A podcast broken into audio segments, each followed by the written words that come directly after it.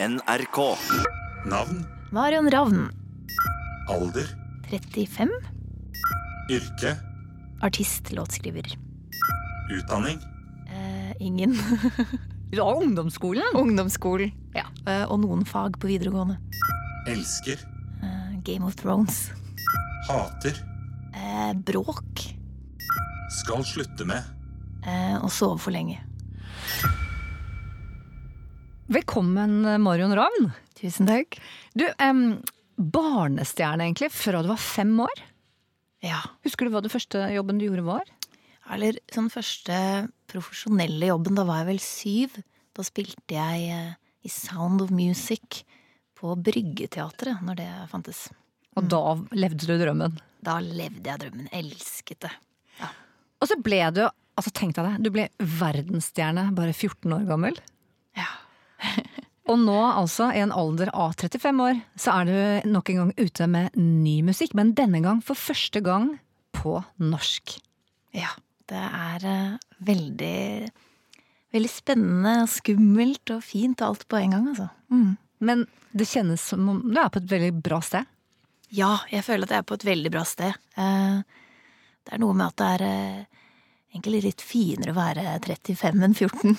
Man, man kjenner seg selv litt bedre, og, eh, og hva man vil, og hvor man vil være. Og, så det føles godt nå å ha kommet ut med, med en låt på norsk, og eh, snart kommer det et helt album også. Et album om å finne seg sjæl. Det heter altså Mellom disse fire veggene. Det kommer i høst. En slags ny start. Restart-album. Eh, ja, det er litt sånn at det, det handler litt om det å egentlig starte fra bunnen av og finne seg selv på nytt. Eh, så det handler om de siste fire årene i livet mitt. Eh, og så er det jo første gang jeg skriver på norsk, så det føles, eh, føles at det er veldig nært. At på engelsk kan man på en måte gjemme seg litt mer bak klisjeer og sånne ting. Mens norsk så føles det litt ut som folk får lese dagboka mi. Den skal vi lese ganske snart. Og det er litt som bestemora di alltid har lært deg. Marion, opp og hopp. Opp og hopp, ja. Hva betyr det? Bestemor eh, har alltid vært sånn at hvis du datt og slo deg, så var det ikke sånn 'å, stakkars', og at man fikk gråte og komme på fanget. Det var mer sånn 'opp og hopp, det går bra'. så det har jeg jo egentlig brukt eh, mange ganger i livet, rett og slett. Nå er du oppå hesten igjen. Eh, og jeg tenker nesten sånn, for at du, du har jo hatt veldig mange nye starter. Starta med blanke ark igjen og, og tomme hender i ganske ungt liv. Og jeg tenker, Du Marion Ramm, du er egentlig du som en hjertestarter. Ja, og jeg tenker, Er ikke det også en, kunne vært en fin låt, en tittel? Jo. Hjertestarter. Det er sant. Det, det skal jeg skrive ned på telefonen min med Ja, for hjertestarteren gang. er jo maskina som bare får liv igjen Ikke sant? der det er dødt. Nesten dødt. Da skal dødt. jeg skrive det, og hvis det blir en låt, så skal jeg si ifra. Er det sant? Ja. Jeg likte, jeg likte den faktisk. En hjertestarter. Veldig fint. Bare ring meg, Marion, hvis du står fast. de ti mest googlede spørsmålene om Marion Ravn. Googler du? Altså, eh, eneste gangen jeg kanskje googler meg selv, er eh, hvis jeg nå eksempel kommer ut med ny musikk og har lyst til å se om det har kommet noen intervjuer eh, om låten. Ellers så holder jeg meg unna. Nei, altså Å lese kommentarer, det sluttet jeg med når jeg var ja, 15 år. Eh, og det, var vel da, det var vel helt i starten av internettet. Nei, altså kommentarfelt, eh, de er jo aldri konstruktive. Eh, og det ofte, kan ofte være litt negative ting som står der. Så da er det bedre å ikke lese det. Så det, det er egentlig det, nesten det første tipset jeg gir unge artister når jeg møter de. Slutt å gå inn på kommentarfeltet og lese. Det, det får du ikke noe ut av. Hør heller på podkast, og hør gjerne en podkast da med deg, Marion Ravn. Ja. Spørsmål ti. Marion Ravn Bunad.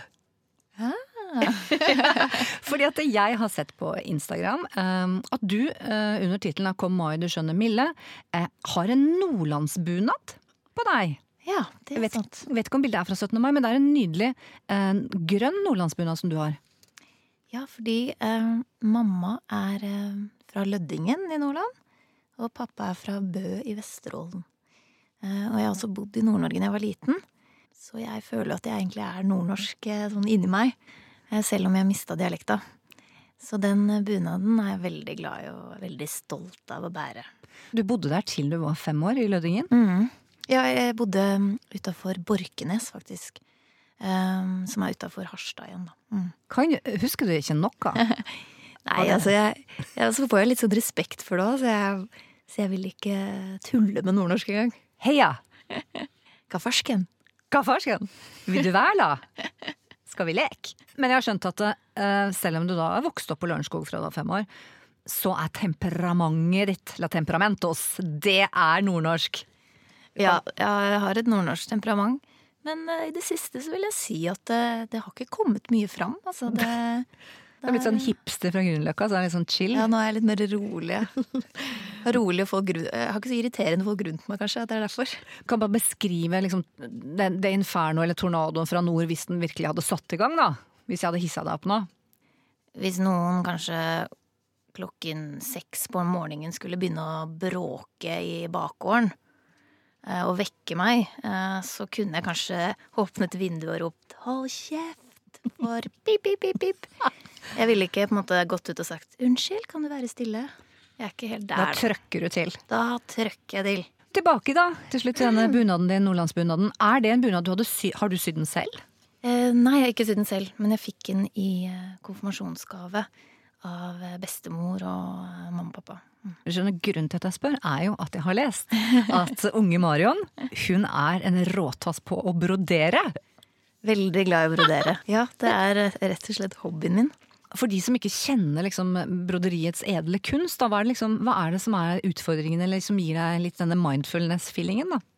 Det jeg liker med brodering, er at du må sitte og Du må jo telle eh, for at mønsteret skal bli riktig. Um, så du må være veldig sånn konsentrert, og da tenker jeg bare på det. Da tenker man ikke på andre ting, på verdens problemer. Man, eh, man er bare seg selv og broderer i måte. Ja. Uh, nei, så før har jeg brodert mer sånn eh, juleting. Uh, sånn jule... Altså adventskalender.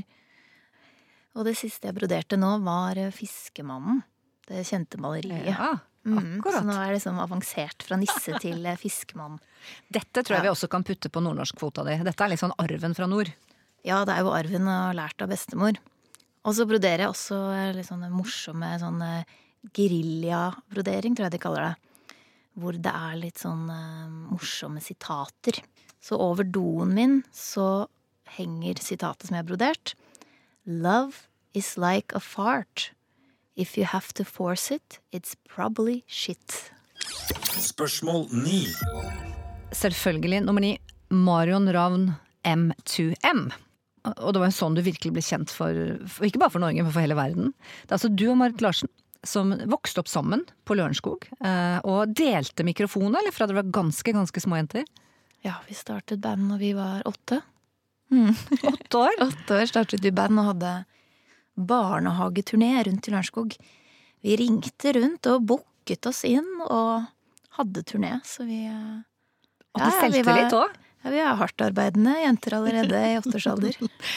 Det ble auditions, det ble sangkonkurranser, og det ble selvfølgelig skoleavslutninger. Var dere sånne litt sånn slitsomme i klassen som liksom Å, nå skal Marion og Marit opptre med ni nummer, liksom? Ja, absolutt. Jeg tok alle sjanser jeg hadde til å synge og stå på en scene. Så, eh, så det kan godt hende at noen rundt syntes at det var litt slitsomt, ja. Spesielt eh, min storebror som, eh, som måtte sitte bak i bilen med meg når vi kjørte opp til Nord-Norge i 20, over 20 timer. Og jeg sang konstant. Og pappa, eh, pappaen din han forsto selvfølgelig alvoret og tenkte dette, dette må vi Altså Her må vi bare satse og gasse på. Det ble sponsorer, og det ble også en demoplate som ga dere platekontrakt med norske EMI. Det ble barneplate og Spellemannsnominasjon. Marion og Marit synger kjente barnesanger i 2006. Det er 23 år siden at du ble nominert til Spellemann. Jeg var eh, på Spellemannsprisen i år, og da møtte jeg noen av de eh, nye artistene som holder på nå. Og da sa jeg sånn, vet du hva? Jeg var på Spellemannsprisen før du ble født. I 2006. Så da satt vi der, da. Det, og var superstolte. Hadde matchende sånne fake pelsjakker og buksedress og eh, Ja, så det er jo helt eh, utrolig å tenke på nå. Dere får platekontrakt med Atlantic Records. Og i løpet av fire år, fra 1998 til 2002, så gir dere ut to album, selger millioner av eh, plater og singler på verdensbasis. To tenåringsjenter fra Lørenskog har de siste ukene reist verden rundt for å lanseres som popartister. M2M kaller de seg. Jeg tenker liksom ikke meg selv. Jeg tenker ikke at vi liksom popstjerner. Jeg tenker mer bare som musikere, på en måte. Jeg liker det ordet bedre. Men det er ganske rart sånn å tenke seg at på, en måte, på andre siden av verden sitter det folk og hører på radioen. liksom Sitter i bilen, og plutselig så kommer liksom Marit og Marit på radioen. Det er ganske rart å tenke på, men, Det er veldig merkelig. men det er utrolig gøy. Så jeg spiller jo piano, jeg spiller gitar. Det er alltid vanskelig å skrive en sang, men det har vært veldig sånn Vi er veldig flinke til å samarbeide. Handler for det ofte mest om hva vi opplever, eller hva vi drømmer om, eller tenker, liksom, eller Ok, du har ikke gitar med da, men det var litt vi litt jeg skulle hatt gitaren. Baby. Baby, don't, Don't say you love me, you love me. you don't even know me, baby. If then you give me Oh, some won't you give me some time? Don't go there, baby, and not before I'm ready. Hva, hva husker du fra liksom, denne perioden, og det starter brakeløs? Altså, jeg husker jo at, at vi kanskje ikke skjønte helt uh, hvor stort det var. Uh, vi var jo altså, 14-15 år, så jeg fant, uh, jeg fant liksom dagboken fra den tiden, og da snakker jeg på en måte om gutter, og det viktigste er å komme hjem til juleballet. Og så er det liksom i bisetning sånn Ja, vi er nummer én i Danmark i dag. Fant ut det. Og så er jeg jo sånn Vi er i New York, og så snakker jeg om at eh, vi har møtt Hansen, da. Og da er det bare sånn Hansen, Hansen, Hansen. Skriver masse om Hansen, og så står det plutselig Paul McCartney var der også. I en bisetning. Eh, altså, man Jeg tror ikke man skjønte det helt. Jeg tror ikke jeg eh, egentlig skjønner det helt ennå. Det skjedde så fort, alt på en gang. Skjedde det for fort? Ja, jeg tror kanskje det skjedde litt for fort, eh, og det var ganske intenst til at vi var så unge. Vi, eh, vi jo Vi hadde jo over 300 reisedøgn, tror jeg, og reiste hele tiden og gjorde masse intervjuer og var i mange forskjellige land, og det var eh, veldig lite fri da til at vi var såpass unge. Så, så jeg tror ikke det var Det var ikke helt sunt, så jeg tror det, jeg tror det var bra at vi var to. Eh, Tre, egentlig, for faren din var jo med store deler av tiden. Ja, pappa var med, og også foreldrene til Marit var med, så jeg tror det var bra at vi eh, hadde foreldre der som passet på at vi fikk sove og spist, og, og som kunne si ifra hvis vi var for slitne, da. Men det betyr jo også, Marion, at dere fikk jo ikke være med på moroa på kvelden. For da passet pappa på at nei, dere kan ikke gå ut med Justin Timberlake, eller nei, dere kan ikke gjøre det. Nei, Det gøye. og det er jo bra. Kanskje det er det som gjør at eh, vi begge er oppegående, normale folk i dag, og fortsatt holder på med musikk. Kan du bare beskrive sånn på det verste da, hvordan ett døgn kunne se ut? Jeg husker vi var i Asia på en eh, sånn promoteringsrunde. Og da jobbet vi Vi hadde 30 dager i strekk med jobb, ikke én eneste dag fri. Og da eh, var vi innom åtte forskjellige land. Og da på én dag da så kunne det være at man eh, står opp om morgenen eh, tidlig og rett på radiointervju på radiointervju på radiointervju. Pressekonferanse med masse media. Eh, og så flere intervjuer, TV-intervjuer, TV-opptredener. Eh, og så på kvelden var det middag med plateselskapet i for eksempel Indonesia, da. Og så er det gå hjem og legge seg opp kjempetidlig på flyplassen til neste land. Og ofte når vi landet på flyplassen, så var det masse presse som sto og ventet på oss på flyplassen. Altså, sånn fortsatte det, da. Så man ble jo eh, ble ganske sliten etter hvert. Uh, Og i Asia masse fans som sikkert ropte 'Malian, Malian! Malian!' I love you, Marilyn Levin! Hva sa de? I love you, Marilyn Levin. Er det ikke at du savner det, da? Malian! Nei, altså når jeg, jeg sitter, på, sitter hjemme i sofaen min på Grünerløkka og på Instagram og ser på Astrid S og Sigrid og, um, og ser på My Storyen deres, at de er ute og gjør det her nå. Og jeg får litt klump i magen. Jeg kjenner at, eh, at jeg husker hvor intenst det var. Ja. og kjenner at jeg er egentlig veldig glad for at jeg ikke skal på Tysk, eh, Tyskland radiopromo eh, i morgen. Ja, jeg syns det er deilig nå at jeg kan sitte her og prate med deg, og så eh, skal jeg ta bussen hjem og lage middag. Vært der, been there, done it, seen it. Eh, dere eh, varmer annet opp for etter hvert av gruppa Hansen. Spiller live på Dawson Creek og er på turné med Jewel.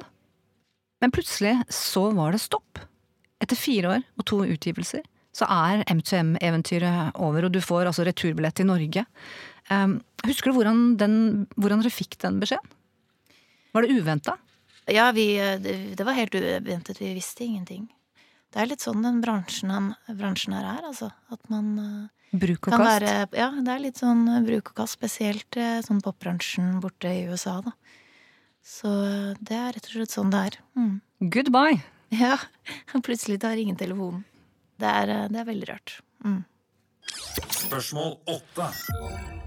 Det måtte komme. Marit Larsen. Ja. Fortsette der, der vi slapp. Det er altså over. Du er 18 år, har fått beskjeden om at M2M nå, liksom, nå er det slutt. Og du er nettopp kommet hjem til Norge. Uh, Musikkarrieren er altså brutalt over, og du er helt alene når du kommer hjem. For at mamma og pappaen din de har reist til Syden, de visste jo ikke dette. Mm. Ja, eh, de hadde reist eh, på sydenferie, for jeg skulle være borte hele sommeren på turné. Så plutselig kom jeg hjem litt før, og da var det ingen hjemme. Så jeg var, eh, ja, var alene hjemme da når jeg kom. I dette Ja. kaoset som da pressen jakter deg, ikke sant? Ja, det sto faktisk eh, ja, så å si Eller Presse-Norge utenfor huset. Det, og ringte på. Jeg husker liksom de ringte på ringte på ringte på. Og, um, og så til slutt satte jeg meg på en måte under vinduet for at, og slo av lysene, sånn så de ikke skulle se at noen var hjemme. Um, og da husker jeg at det var en journalist som hadde klatret opp på balkongen og sto og tittet inn verandadøra. Um, og så meg, da. Eh, Jeg husker ikke helt eh, hva jeg følte da. Jeg husker bare at jeg ringte storebroren min, som kom og jagde de bort. Hvor gammel var han da? Ja, Han var kanskje 24 år da eller noe. Men du sto ganske alene der. Hadde du og Marit kontakt underveis her når dette pågikk? For det hadde jo ikke gått ut offisielt med noen pressemelding ennå da på at, at det ble, et, ble slutt? Nei, altså alt eh, Altså vi hadde jo akkurat kommet hjem, vi hadde jo ikke rukket å snakke om det her eller noen ting før eh, pressen fikk tak i det. Um, så ting gikk altfor fort, og ikke i riktig, i riktig rekkefølge i det hele tatt. Det havner i VG at det er over, og det havner i VG at plateselskapet Atlantic Records ønsker i stedet å satse på deg som, som soloartist.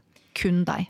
Ja, fordi når man signerer en platekontrakt ofte som band, um, så blir man signert også som uh, enkeltpersoner. Sånn at hvis bandet blir oppløst, for eksempel, så eier de deg fortsatt. Og kan velge da å ville gi ut uh, ny musikk med deg som soloartist. Så da fikk jeg på en måte beskjed om at, eh, at eh, de ville jobbe med meg videre, og hvis jeg takket nei til det, så måtte jeg vente i fire år uh, før jeg kunne gi ut uh, musikk igjen, da. Så det er litt sånn det er sånn kontraktfestet, da. Men problemet var jo da at um, at dette kom ut i VG før vi hadde fått prate sammen, før vi hadde fått sagt at uh, Eller før vi egentlig kanskje hadde bestemt oss for at bandet skulle være ferdig. Så kommer dette i avisen at jeg har fått solokontrakt. Så da, da ble det bare rett og slett veldig feil rekkefølge. Uh, og da var jo jeg skulle jeg nok hatt noen rådgivere rundt meg eh, som jeg ikke hadde, og gjorde masse intervjuer og sånn om det. Og det skulle jeg ikke gjort, eh, ser jeg nå i ettertid. Men, men nå i ettertid ser jeg jo også at jeg var, hadde akkurat fylt 18 år. Um, så det er altså Jeg var jo ikke russ. Altså det er året før man er russ. Det var ikke så bra. Men da, vet du, da var helvete løs. Eh, og du ble, eh, det er ganske stygt, du ble også omtalt i, i pressen som hun som dolket venninnen i ryggen for selv å bli superstjerne. Er du klar over at du og denne tida her er blitt omtalt i en doktorgrad? En forsker, altså musikkforsker, Jon Mikkel Broch Aalvik ved Universitetet i, i Oslo, han hadde altså en doktorgrad i 2014 som han disputerte med. Den het 'Scratching the Surface', hvor da du og Marit Larsen er hovedtema, og rollen deres fikk i offentligheten. Da står det Marit Larsen, kunst, askese, dydighet. Mens du blir beskrevet av Marion Ravn, kommers, grådighet, løsaktighet. Jeg syns egentlig det er ganske interessant eh, eh, også hvordan man som kvinner, da, eller vi var jo jenter da, skal bli plassert i bås. At enten er man på en måte jomfru eh, Maria, eller så er man eh, hore-bitch. eh, Mm. Um, og at jeg tror eksempel ikke det ville skjedd med eksempel Nico og Vince, som er en eh, duo, da, hvis de bestemte seg for å nå har vi lyst til å gjøre noe annet, da. Så ville de ikke satt eh, to gutter eller menn i bås på den måten. Så det er, ja, jeg syns egentlig det er interessant, så jeg skjønner nesten at, at man kan gjøre en doktorgrad av det. Vi orker ikke å lese hele, men det er sikkert på 300-400 sider. Det har jeg faktisk aldri gjort heller. Det, men det, det er interessant. Um, så det, det Ja, de må skjerpe seg. Og du fikk mye pes. Du skulle tas. Ja, eller jeg husker at um, TV 2-nyhetene, det vil si altså klokka ni på kvelden, hadde en sak om at jeg hadde funnet på at jeg hadde fått solokontrakt for å få oppmerksomhet. Hva? Ja. Um, og da var jeg altså 18 år. Og eh, da må jo ender det opp at måte, presidenten av Atlantic Records da, da må jo på en måte vi få han da til å gå ut i media og si at dette er ikke sant. Uh, Marion har en platekontrakt. Uh, som også var veldig flaut for meg og for min jobb. At, at sjefen av et stort plateskap i USA må gå ut i media og liksom avkrefte det her. Og da, da husker jeg på en måte at de sa sånn på syvnyhetene på morgenen at eh, de beklaget og det var feil, da. Men sånne dementier, vi vet jo det. Det er Men, ikke så mange som får med Det er ikke så mange som får med seg det. Så da var jo på en måte den satt. Eh, Og det bildet av meg eh, var satt, og det satt jo fast da i ti år. Jeg følte det veldig. eh, Til jeg fikk være mm, gjest på hver gang vi møtes. For da ble folk kjent med meg og hvem jeg er som artist, og så at, eh, at det bildet var feil, da. Men du sier ti år. Ti år er lenge, Marion. Hvordan kunne du kjenne det hatet på en måte fra folket da, på kroppen? Ja, jeg kjente jo veldig på det, og det kan jo hende at jeg til tider overdrev det. Det er jo vanskelig å si, men jeg, jeg flyttet jo ut av landet, eller og var borte, egentlig. Og valgte på en måte å trekke meg vekk fra det, da. Fordi jeg opplevde at um, uansett hva jeg sa eller gjorde i intervjuer, så var, hadde folk fått en oppfattelse av hvem jeg var. Uh, Og da var det helt umulig å snu det.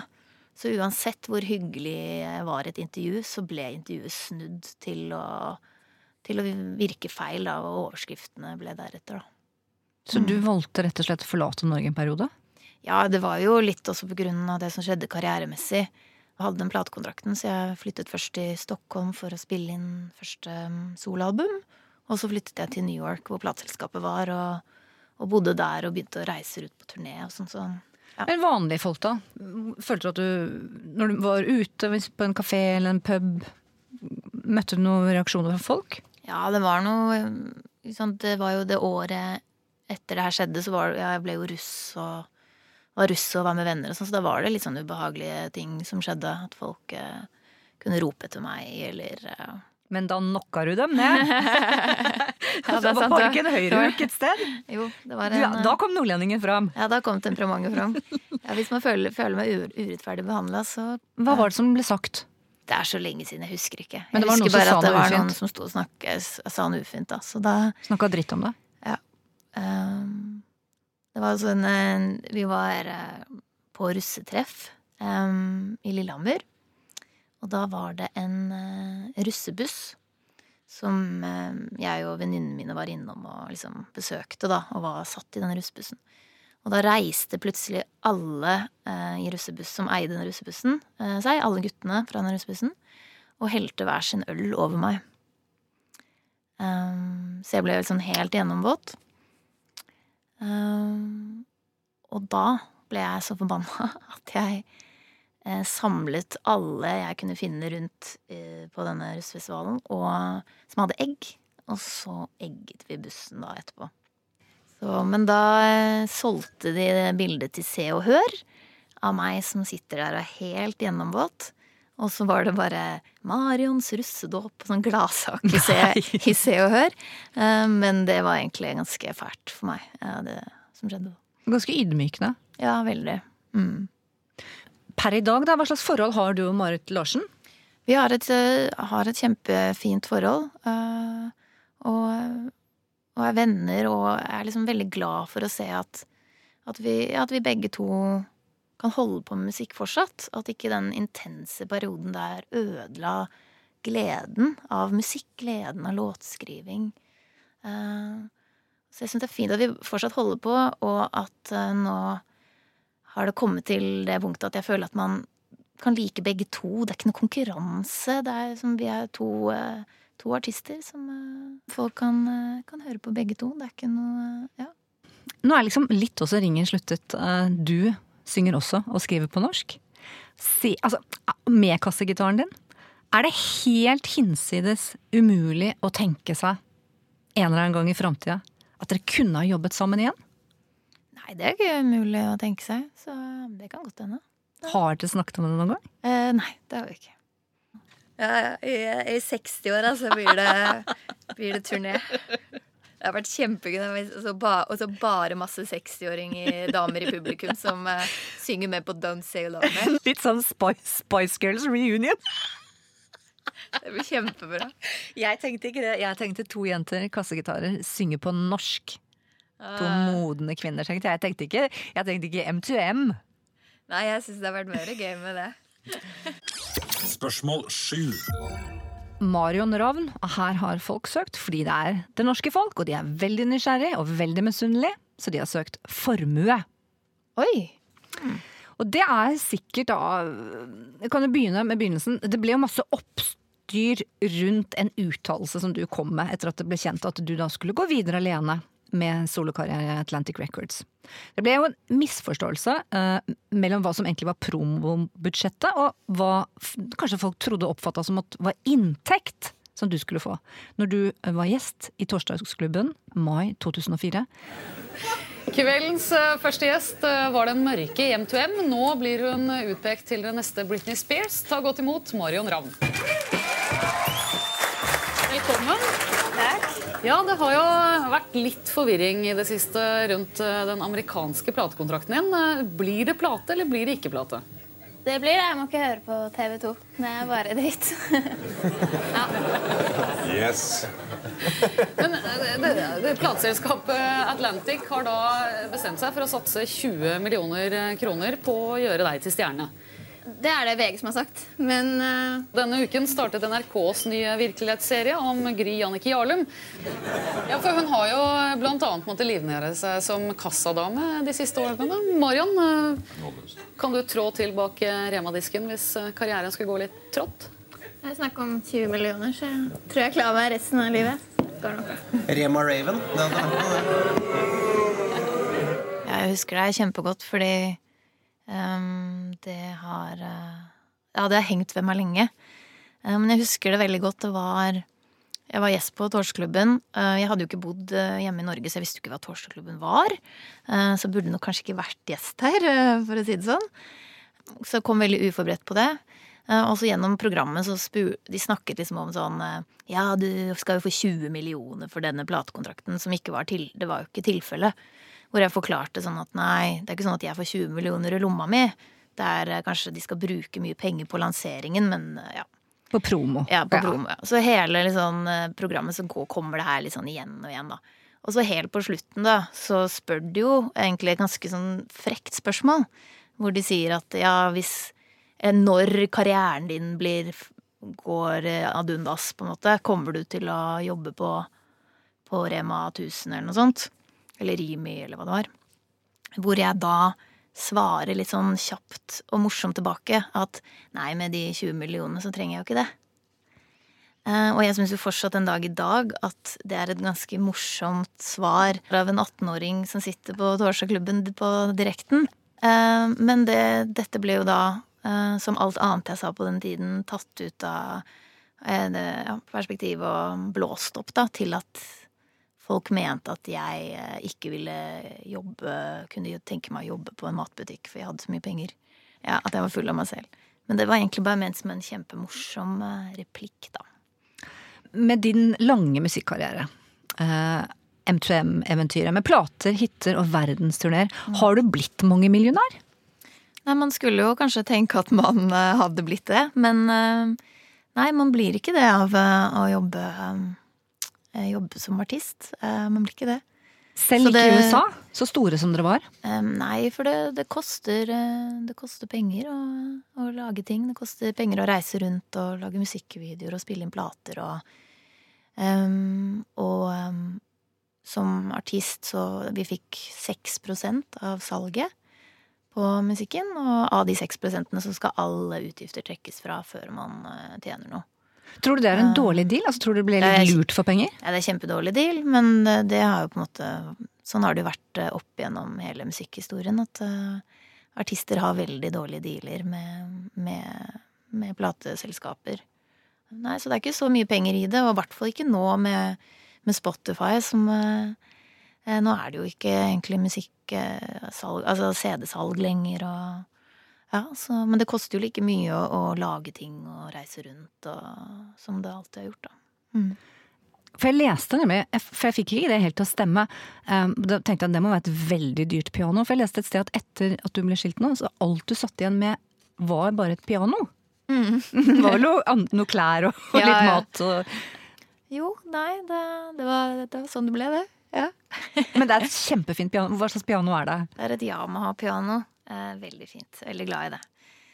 Nei, også det, Jeg klarer jo å leve av eh, å eh, holde på med musikk, så jeg skal ikke klage. Det går veldig bra. Og nå har jeg også har jeg et eget plateselskap. Den nye musikken kommer ut på eget plateselskap, så, så nei, jeg skal ikke klage. Men mangemillionær, det er jeg ikke. Er du lei av det spørsmålet? Eh, nei, jeg, jeg forstår det godt. Jeg, jeg tror jeg selv ville kanskje tenkt det eh, om andre artister. At de, eh, at de har tjent veldig mye og har veldig god råd. Ja. Spørsmål seks. Marion Ravn, Here I Am. Fordi det er jo da etter ett års tid, ehm, så kommer da debutalbumet ditt, Here I Am, i 2005. Mm. Og her får du hjelp av eh, en svensk stjerneprodusent, låtskriver Max Martin, kjent fra Ace of Base, Backstreet Boys, Robin, NSYNC, Britney Spears med flere, og så Marion Round. Hæ? Og det ble et ganske kult øh, uttrykk, syns mange. Anmelderne skrev, uh, skrev det, og at du viste en ny side. Ny edge.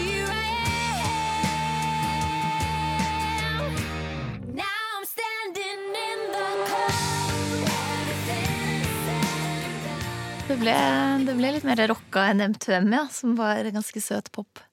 Alanis Morissette var jo et uh, stort uh, forbilde for meg. Elsket uh, Drag the Little Pill-platen, som var den første albumet jeg kjøpte noensinne.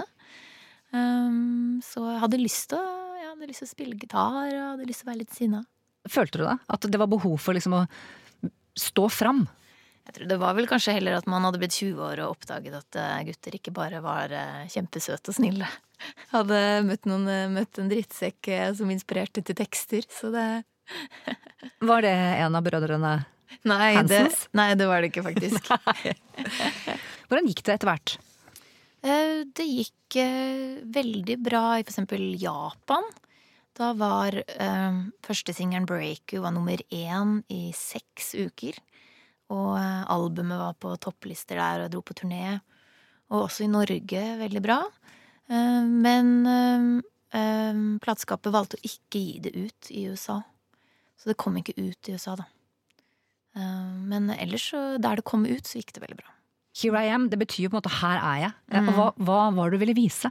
Det har jo, eller egentlig fra veldig tidlig alder, helt tilbake til når vi var med M2M, så har det vært, vikt, vært viktig for meg, eller var viktig for oss også, å vise at man, man er musiker, man er låtskriver, man spiller instrumenter. At man ikke bare er et produkt av popbransjen. At det føltes ofte at det var veldig mange som ville putte deg i den båsen. Så, eh, så det var veldig viktig for meg å vise at det, det her jeg har vært med, jeg har vært og skrevet det selv, jeg spiller det selv. det jeg synger eh, Altså, det, det tror jeg kanskje også var fordi det på slutten av 90-tallet var veldig mye eh, ja, sånn boybands og jentebands mm. som, eh, som ja, kanskje ikke alle kunne synge engang.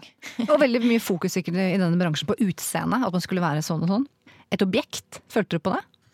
Eh, ja, jeg gjorde det. Så jeg syns at det er blitt eh, veldig mye bedre nå. Jeg syns det er fint nå, men jeg ser liksom at eh, flere av de kvinnelige artistene som kommer ut nå, at eh, de, de får støtte, og man blir sett på som den artisten man er, og låtskriver man er, og mm.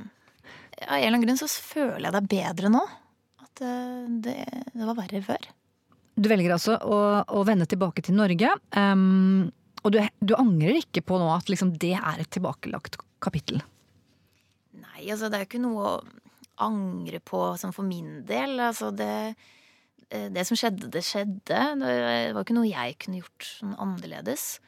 Uh, og det føltes riktig. Um, jeg ble Jeg var jo i LA og, og hadde spilt inn en hel plate som aldri kom ut. Fordi um, musikkbransjen i 2008 gikk jo på en måte ganske ad undas. Um, og ble spurt om å være mentor i X-Faktor. Mm. Um, og skulle egentlig bare hjem i seks måneder for å gjøre det TV-programmet. Uh, og så ble jeg hjemme, da. Jeg syntes det var helt fantastisk å være hjemme. Men det var, med ett unntak, ett mannfolk som fikk deg tilbake. Til the big city. Og det var altså Mr. Meatloaf. Ja, det er sant. Er det, dere fortrengt det? Nei, nei, nei. nei.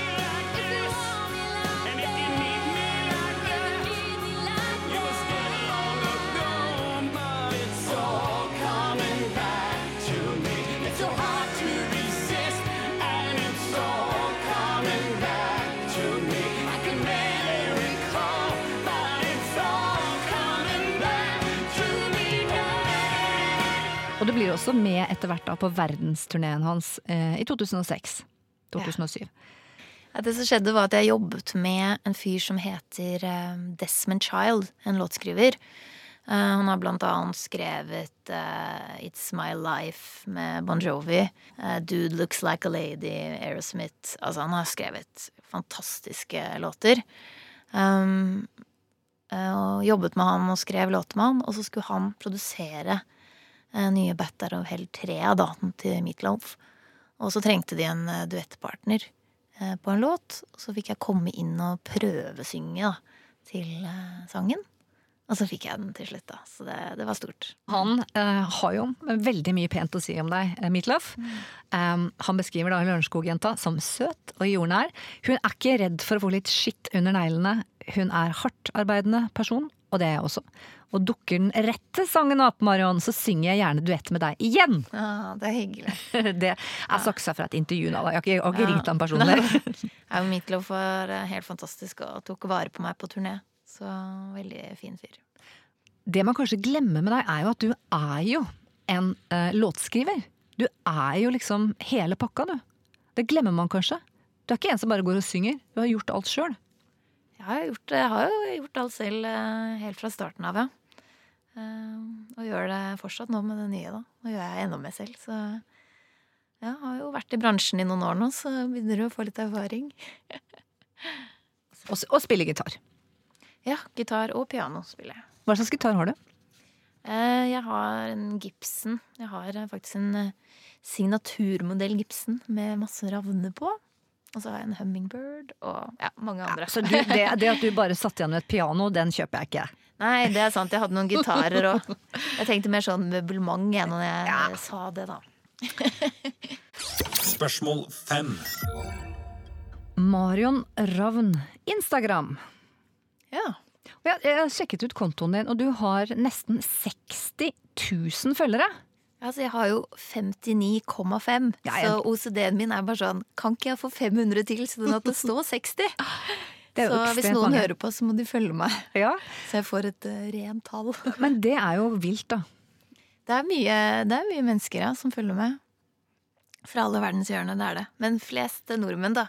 Jeg har sjekket, det er sånn 60% nordmenn, og så resten er rundt i verden. Hva er det du legger ut? Jeg, jeg, jeg er veldig glad i Instagram. Jeg er litt avhengig av det og liker å følge med på andre. Så um, så jeg legger litt ut uh, fra livet mitt, og alt fra liksom når jeg jobber i studio, til om jeg er på trening eller er med venninner eller på en festival eller Ja, jeg deler, uh, deler en del. Men du er ikke privat? Nei, jeg er kanskje ikke sånn superprivat, men ganske personlig, vil jeg si. Eller ganske Ja. Men jeg vet hva jeg fikk når jeg så på bildene dine og en del disse litt flagrende hippiesommerkjolene dine og runde solbriller og lykke på stranda i, i Tønsberg om sommeren. Mm. Jeg fikk litt sånn Woodstock-vibes av deg. Ja, jeg elsker jo 70-tallet. Jeg skulle gjerne levd på den tiden. Og da må jeg bare spørre deg. festivalen Woodstock altså gjenopplives eh, i år. Og da er det altså 50-årsmarkering. Hæ, det visste jeg ikke. Jay-Z, The Killers, Miley Cyrus, Imagine Dragons og Marion Ravn. Hvor fett hadde det vært? Jeg ble jo eh, jeg, jeg må nesten si at jeg ble litt skuffa når du leste opp navnene, for jeg hadde jo likt, hvis de skulle ha Woodstock, at de burde hatt liksom de gode gamle. Men det kan gå Jeg tok bare nå fire av Ja. liksom 100. For Men nå det, hørtes det ut som en annen festival. En Ja, hvilken som helst annen festival. jeg vet det, for, og det er jo liksom hvordan skal man kunne klare å gjenopplive liksom ånden fra 50 år tilbake, da? Ja, nei, jeg skjønner jo at de må ta de som er store og populære nå. Men eh, jeg hadde lett kjøpt en billett over hvis det var liksom Fleetwood Mac og Paul Simon og Elton John eller The Band Dæven, vi burde nesten brukt ett minutt bare å se på lista. Woodstock. Hva er Mm. du lik, hva er, hva er liksom som fascinerer deg ved 70-tallet? Tror jeg, altså Musikken. Jeg elsker uh, musikken spesielt. Og så elsker jeg slengbukser og flagrende skjørt og langt hår og um, Ja, det er eh, Jeg vet ikke helt hvorfor. Det er bare veldig, veldig meg, da. Men det har sikkert noe med at foreldrene mine var jo tenåringer på 70-tallet, og de var jo hippier. Eh, Så jeg har jo vokst opp med den musikken spillende i stua og lånt eh, klær av mamma. og ja, så det, det er sikkert noe med det å gjøre òg. Kunne sklidd rett inn, vet du. Spørsmål fire. Marion Ravn, Karriere Norge. Og det er jo litt sånn at når du kom tilbake, så uh, var du altså um, X-Faktor-dommer uh, 2010. Hver gang vi møtes, 2013. Og det beskriver du som et vendepunkt. Mm. Ja, det var virkelig et vendepunkt for meg. Da, da var da jeg endelig fikk fortalt min historie, da, hvordan jeg opplevde den tiden før. Og, og gjorde at folk ble kjent med meg som person og som artist. Og jeg fikk også spilt eh, spilt, da, Spilte jo de andres eh, sine låter og, og vist eh, hva jeg elsker å gjøre, da. Og så var det også litt eh, vendepunkt for meg å møte andre som hadde et lignende liv. Mm. Det å møte andre artister. eh, For det hadde ikke vært så mye av det de siste årene. Så det kjente jeg også var sånn veldig godt for meg, å, å få venner som eh, hadde vært gjennom litt lignende ting, da. Eller, og også hadde den gleden for musikk. Hvordan liksom musikken kommer foran alt. eh, Ja. Og det var da Anita Skorgan sa de bevingende ord Jeg trodde ikke du var sånn. Mm. Ja, hun sa det. Ja, jeg husker jeg gjorde sånn radiointervju etterpå hvor de sa Der kommer hun som vi er, alle er så glad i. Og da ble jeg helt sånn Hæ? Jeg skjønte ikke at det var meg, da. Fordi da hadde jeg i så mange år eh, opplevd det motsatte. Så det, det var veldig befriende. Men klarte du å stole på det? Jeg kjenner jo eh, ennå, bare når vi sitter og prater nå, at det henger jo igjen. At jeg eh, At man er jo veldig bevisst på hva man sier, og at eh, man er redd for at ting skal bli vridd på. Så jeg har det. Det er liksom eh, Jeg har lært av det, på en måte. Ja. Og så får du, og lander, ikke uventa, drømmerollen i Le Miserable på Folketeatret. Mm. Ja, den eh, Ja, siden jeg var syv år og sto på Aker Brygge teater og var med på Sound Music, så har jeg drømt om å spille Eponien i Le Miserable. Den, det var drømmerollen å, å synge låten On My Own. Og du fikk eh, Du gikk på audition, og da var du i livet ditt også privat litt veldig skjør, da. Mm. Kanskje passa veldig godt til Ja, rollen du skulle man- spille. eh, hvis man skal ha litt sånn svart humor, da, så, eh, så var det veldig bra timing at jeg fikk audition til den Eponine-rollen akkurat når jeg i sånn privatlivet hadde det ganske kjipt. Så da, så da mm, var det liksom eh, Ja, jeg følte at, den, eh, at jeg var eponien da, på den audition. Du har altså holdt på med musikk fra du var barn, Um, fra alvor i utlandet og store verden fra du er 14. Det har vært veldig mye snakk om metoo i media, reklamebransjen. Teaterbransjen har tatt et oppgjør. Men vi har jo hørt veldig lite om metoo og musikkbransjen. Det fins kanskje ikke noen bransje hvor liksom kjønnsrollen og, og kjønn er liksom enda mer stereotyp da, enn nettopp musikkbransjen. Har du gjennom din lange karriere på et eller annet punkt møtt på metoo? Det var jo et opprot med flere artister um, i Aftenposten, så det, det har jo skjedd i musikkbransjen også. Uh, jeg har heldigvis ikke opplevd noe sånn veldig ubehagelig, uh, men mer i sånn form at man eh, kanskje kan eh, jobbe i en skrivesession og eh, få litt sånn beskjed om å holde kjeft. eh, eller 'nå må du roe deg ned, du vet ikke hva du prater om'. Eller at man kan bli møtt med, med sånne fordommer fordi man er kvinne, da. Um, så sånne ting har jeg opplevd. Men har du Um, opplevd seksuell trakassering? Nei, det har jeg ikke. Um, det har jeg ikke gjort. Men man hører jo om andre historier, det gjør man. I Norge? Ja, i Norge og i utlandet. Mm. Så jeg syns det er fint at det, at det har kommet fram og er blitt tatt tak i. Nå er du 35. Og du har jo ofra også på veien noe for, for drømmen din, da, musikkdrømmen, og det er jo at du har ofra utdanning. Fullførte du ungdomsskolen? Eller dere? Eh, vi klarte å fullføre ungdomsskolen. Det tror jeg rett og slett er et krav. Jeg tror ikke som, som norsk barn at du får lov til å reise ut og jobbe uten å fullføre ungdomsskolen. Så det, det gjorde vi. Uh, og så begynte jeg på videregående, men ikke fått fullført det. Uh, men jeg har på en måte tenkt at jeg har jo en, en utdanning man egentlig ikke kan eh, melde seg på. Mm. Jeg har jo en utdanning egentlig i musikkbransjen og i musikk og, og låtskriving som jeg ikke har på papiret, men jeg elsker jobben min, elsker å holde på med musikk. Jeg har ikke, jeg har ikke lyst til å slutte med det. Jeg, jeg drømmer om å stå på scene sånn som Kari Bremnes og Anne Grete Preus og ja, Anita Skorgan og Bettan. Altså, det å, så når du er liksom i 60-åra og dra rundt på turné og fortsatt holde på musikk, det, det er det jeg ønsker. Det, Du har så vidt begynt. Ja, ikke sant? Og nå et nytt fundament hjemme i Norge, på norsk. Ja. Det blir ikke bedre. Nei, det, det føles veldig bra. Jeg, jeg, sånn, jeg føler at jeg er der jeg vil være. Spørsmål tre.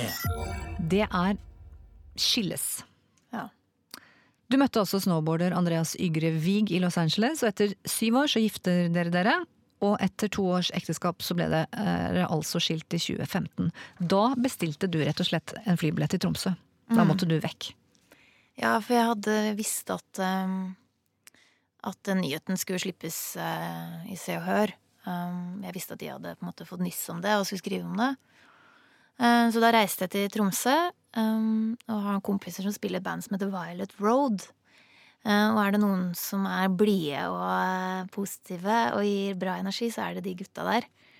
Så jeg reiste rett og slett til Tromsø og jobbet eh, i studio hele dagen. Vi satt i en kjeller i studio og skrev låter, slo av telefonen. Så dro vi og spilte shuffleboard og drakk øl, og egentlig hadde en veldig fin dag og eh, glemte litt av det.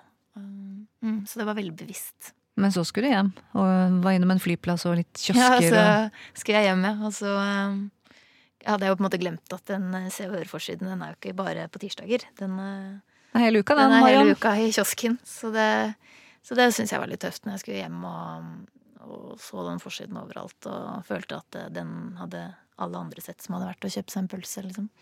Ja, det er jo litt sånn rart med den jobben når man er artist, så så blir jo på en måte også privatlivet ditt veldig sånn uh, framme i lyset. Eh, og det er jo ikke alltid man vil det, og så er det litt sånn vanskelig å unngå det. Sånn eh, når man eh, går gjennom en stor livsendring, så, så kan det ofte liksom skape ja, inspirasjon. Um, det er ofte å skrive låter kan være også en slags eh, terapi.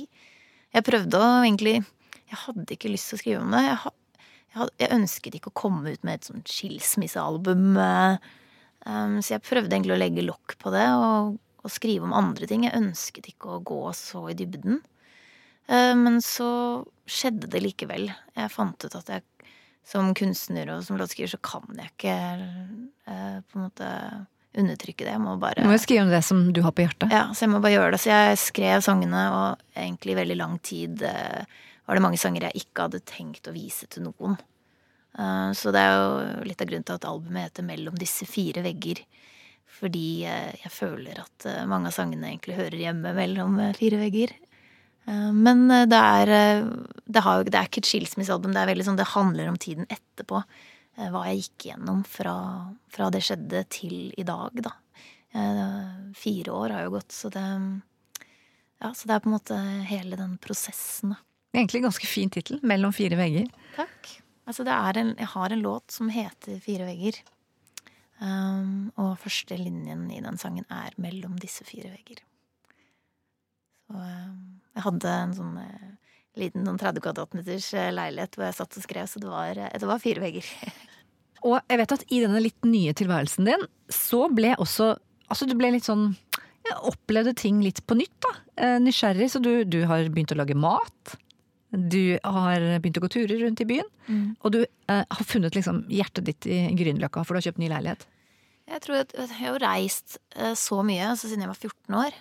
Eh, Så det er vel først nå at jeg føler at jeg egentlig har funnet roen. Eh, Nå har jeg på en måte fått min leilighet, og nå er jeg hjemme lenge nok til å ja, begynne å lage mat. Ha planter som faktisk overlever, eller sånn passe, da. Eh, Og ja, å kunne dra på biblioteket og låne en bok. Eh, Ja, veldig glad i det. Og også det å å gå Altså, jeg oppdaget egentlig hvor kort det er å gå rundt i Oslo. Eh, bli kjent med byen mer, da. Mm. Aner jeg nå at det kanskje kommer en ny låt på neste plate som handler om Oslo? Eller kanskje det er Oslo en eh, Girl. Kanskje det er en på plata til høsten?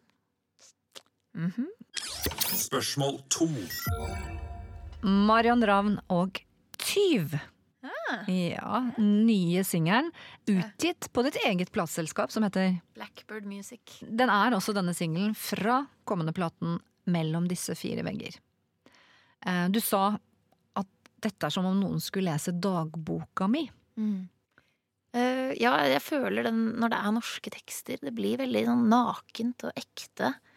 Um, så ja, det, det er litt eh, skummelt. eh, skummelt, rett og slett. Mm. Litt av Tyv er Kom du inn gjennom vinduet en kveld? Gikk du rundt som du bodde deg selv? Satt kjolen min fint på deg? Når du så deg selv i speilet, var det meg? Um, men jeg uh, har bestemt meg for at jeg ikke ønsker å liksom, gå konkret inn på hva låtene handler om. Eh, fordi det er veldig privat, eh, personlige låter. Og så ønsker jeg da Jeg ønsker liksom ikke å frarøve lytteren det å skape sine egne bilder, det å kunne kjenne seg igjen i eh, tekstene. Um, og sånn venner og familie har jo fått høre låter en stund nå. Og det er interessant å se liksom, ja, forskjellige um, Tolkninger. tolkningene da, de gjør av låten. Fetteren min eh, trodde, tenkte om det også kan være um, en følelse, kanskje. En angst. At du ser deg selv utenifra. Du sitter inne, og det er en som tar plassen. Mm, kanskje. Ja, så det er mange Jeg har lagt ut eh, hele teksten, så man kan gå inn og lese. Jeg liker, liker veldig godt å skrive på norsk. Det har på en måte ja, har vært veldig inspirerende. En helt ny måte å, å skrive på. Det er deg. Ja, det er det. Det er meg. Men siden det på en måte er fra ditt liv, og, og, Mm. er, tror du det er noen som vil kjenne seg igjen i de ulike låtene? I tekstene, og vite at dette handler faktisk om meg? Er det en låt som handler direkte om eksen din, Andreas? Ehm, nei, det vil jeg ikke svare på, faktisk. Og mange lurer sikkert, er det gjennom Marit Larsen? Uh, nei. det er det ikke. Det det kan jeg svare. Ja, hvis hun sitter og gleder seg, den lappen har jeg faktisk fått fra Marit Larsen her. Ja. Da fikk hun det svaret. Bestemor sa som sagt opp og hopp, opp på hesten. Opp og hopp. Ja, og du har eh, redefinert eh, livet ditt etter skilsmissen. Og du sier også at det er jo en slags frihet, da, litt av denne platen. Det er jo ikke noe deppeplate. Eh, altså til tider er den litt mørk, eh, men jeg vil si at, eh, at det er litt av hvert, egentlig. Alt fra å sitte og deppe med et glass rødvin til å bare ville ut og springe i gatene, på en måte. Det er, det er eh, alle følelsene, da. Så det, nei, det er eh, Jeg har spilt inn albumet i Stockholm med en produsent som heter Ola Gustafsson. Han har produsert Lars Winnebeck, Melissa Horn og Kaspers. Melissa Horn. Elsker. Så det er eh, veldig, veldig fint eh, musikalsk. eh, eh, organisk, men band. Så det er jo gitar og trommer og bass og stryk og piano. Så fantastisk samarbeidspartner, da. Ja, det har vært eh, veldig fint å jobbe med han. Jeg er veldig glad i Melissa Horn selv. Og den kommer nå cirka i sept- I. I oktober en gang. Oktober, jeg har ja. ikke noe dato ennå. Men det er ni låter uh, på albumet, og alle er på norsk. Det er liksom forskjellige historier. um, uh, basert på de fire årene. Og det er ikke sånn kronologisk rekkefølge. Jeg har heller laget en rekkefølge som jeg føler passer bra sånn musikalsk og dynamisk. Og gå gjennom litt forskjellige faser og forskjellige følelser. Og, mm. Men det er ikke noen som bør grue seg liksom, til den kommer? Uh, kanskje? Spørsmål 1. Nummer én. Én igjen, Marion. Pallplass. Helt til topps. Skal vi finne ut hva det norske folk har vært mest nysgjerrig på Ja. rundt deg. Det er, noe, det er ganske positivt, altså. Ja. Vil jeg tro du syns. Særlig du. Det aller mest googlede spørsmålet er Nummer én. Marion Ravn. Kjæreste. Ja, den gjetta jeg. Folk lurer. Men det kan du gjøre, for det kan du gjøre til de blir blå, for han er hemmelig. Basta bom. Ja, han øh, Det er jo veldig mange som spør, og mange som lurer, og ikke skjønner liksom hvorfor det skal holdes hemmelig. Um, men det er jo mye snakk om nå at folk deler bilder av barna sine. Mm. og hvordan de, må vente, de burde vente til barna er gamle nok til å si ifra om de ønsker at livet deres og bilder av dem skal være over nettet og overalt. Eh, Er det tenk- bare et barn? Nei, men så tenker jeg at når da en voksen mann sier klart ifra at han ikke ønsker det, så må man jo respektere Det er det. jo helt enig. Jeg synes Um, Halleluja for det. Ja, og, um, og det er på en måte Jeg kunne gjerne på en måte lagt et bilde av han på Instagram, jeg, men uh, da blir det en sak i Se og Hør, og da er det en sak i VG og i Dagbladet. Og, og det ønsker ikke han. Han ønsker å være i fred og, og være sin egen Herre. Være, sin egen herre, og, um, og han er ikke i underholdningsbransjen, eller han er ikke et kjent navn, og ønsker ikke å ha det heller.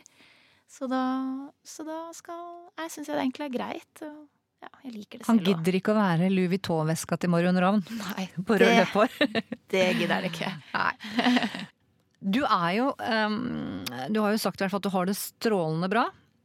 Tenk på at nå som du er så opptatt av å ja, du, har du koser deg i leiligheten, gjør du ikke det? Mm, veldig. Grünerløkka har fått et nytt liv der, du. Mm, Første gang ny leilighet. ja. Egen. Mm. Og så vet jeg at du har oppdaget også noe annet helt fantastisk. Og det er um, disse badstuene. Ja. Badstuebåtene. Kok heter det. Um, det er badstuebåter som ligger utafor operaen der. Hvor det er rett og slett en flåte med en badstue på.